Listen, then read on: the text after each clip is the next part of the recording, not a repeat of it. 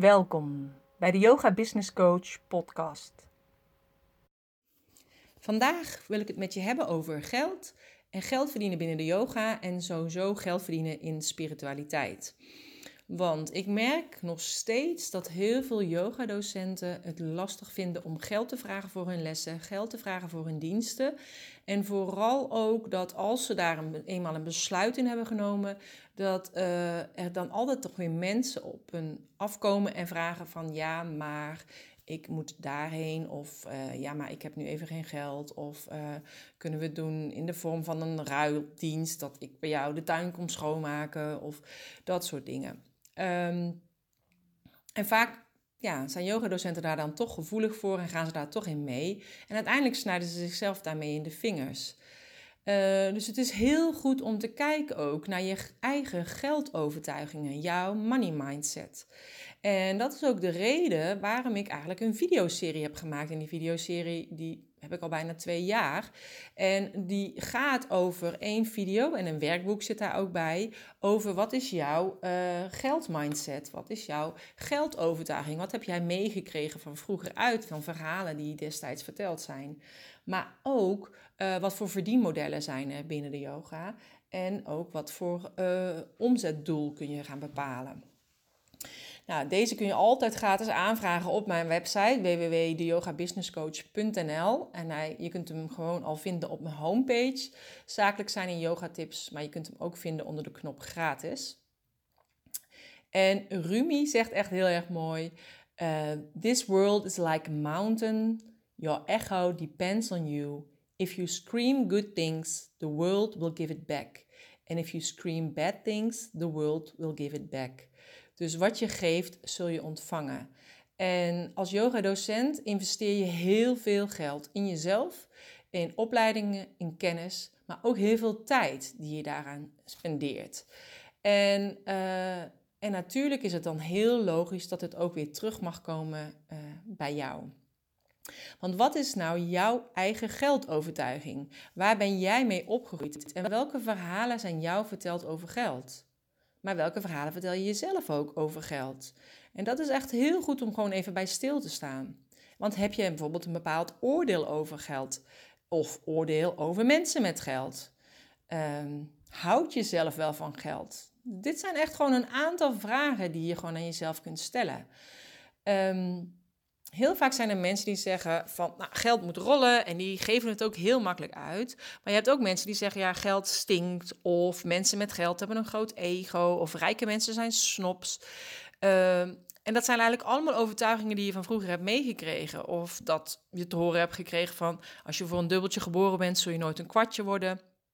Uh, of het geld groeit me niet op de rug. Uh, dat kost geld. Dat is niet voor ons soort mensen weggelegd. En uh, dat soort dingen zitten vaak zo diep geworteld. En ik heb gewoon gemerkt dat door een hele shift te maken qua uh, money mindset, ik heel anders ben gaan kijken naar geld. En ook als ik zelf iets uitgeef, en ook al is het een bekeuring en denk je, hmm, balen, liever niet. Maar ik betaal het met liefde, want ook die mensen hebben een baan en zijn blij dat de bekeuring betaald wordt, zodat zij uh, ook eten kunnen kopen voor hun gezin en uh, dierbaren. Um, maar kijk dus even voor jezelf wat de geldpatronen zijn gedurende jouw leven. Wat is de rode draad daarin? En wat zijn dan eigenlijk jouw inzichten in jouw geldpatroon? En um, het is altijd mooi om uh, te kijken wat jij jezelf waard vindt. En als je dat bijvoorbeeld lastig vindt, van wat voor prijs kan ik nu hangen aan deze yogales of aan deze workshop of aan dit retreat, geef ik eigenlijk vaak het advies van schrijf het gewoon op een papier, draai het om en ga er gewoon op staan en ga het gewoon voelen. Net als wat je hebt met familieopstellingen, dan voel je ook als je op een bepaalde plek staat, voel je energetisch uh, als die vader of die moeder die je dan op dat moment uh, bent. Maar en dat is ook als je op dat papiertje staat en je ziet het prijsbedrag niet, dan voel je gewoon dit is een goed bedrag of dit is geen goed bedrag om iets te gaan vragen. Dus kijk wat jij jezelf waard vindt en waarom zou jij wel heel veel geld betalen om bij iemand een opleiding te volgen en waarom als jij diezelfde kennis geeft, ga je dat doorgeven voor een minder bedrag. Dus het heeft ook met eigenwaarde te maken en ook met eigenliefde. En, ehm, en ik weet dat dat soms ook nog wel een dingetje is dat mensen denken van ja, maar ben ik het dan wel waard? En weet ik dan wel genoeg? En heb ik wel genoeg kennis? Want die ander die weet het en ik nog niet. Dus dit zijn eigenlijk wel allemaal dingen. Dus het hele de geldenergie heeft ook altijd te maken met je eigen energie. De liefde voor jezelf, maar ook uh, qua energieniveau, hoe je je voelt.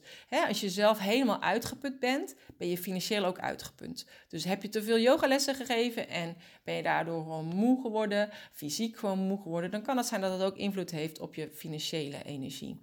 Dus zorg dat je daarom ook altijd genoeg rust en tijd inbouwt voor jezelf, zodat je ook dat energieniveau hoog houdt en dan komt het met het geldenergie ook echt altijd goed.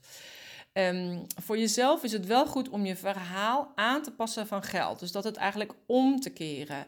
En door bijvoorbeeld bepaalde affirmaties voor jezelf te zeggen. Uh, bijvoorbeeld, er is genoeg geld op deze wereld en het komt automatisch mijn kant op. Of het geld stroomt automatisch via allerlei manieren naar me toe. En overvloed voelt heel veilig. Ik ben een geldmagneet. En om, ik omarm geld en het geld omarmt mij. En geld is liefde. Dat heb ik ook al vaker gezegd in eerdere podcasts. En ik heb het ook al geschreven in eerdere blogartikelen.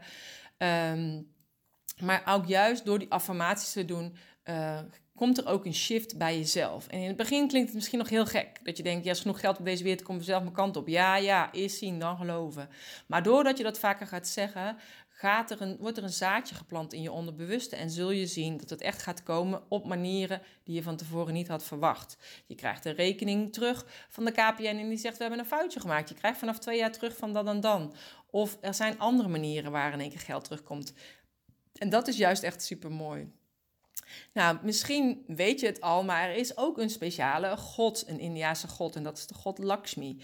En uh, deze Hindoe-god is de god van het geld. En uh, er zijn namelijk ook verschillende mantra's.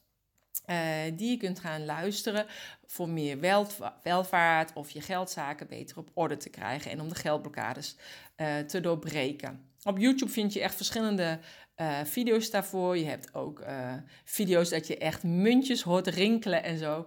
Dus ook dat is gewoon goed om naar te luisteren. Ook om allemaal eigenlijk bezig te zijn met je onderbewustzijn, zodat het uiteindelijk zich ook kan gaan manifesteren in je bewustzijn. Nou, ik hoop dat je hier wat aan hebt gehad. Mocht het zijn als je denkt, ik wil meer weten over uh, de geldblokkades, over verdienmodellen, over omzetdoel bepalen, ga dan naar de website www.deyogabusinesscoach.nl en uh, meld je aan voor de zakelijk zijn in yoga tips.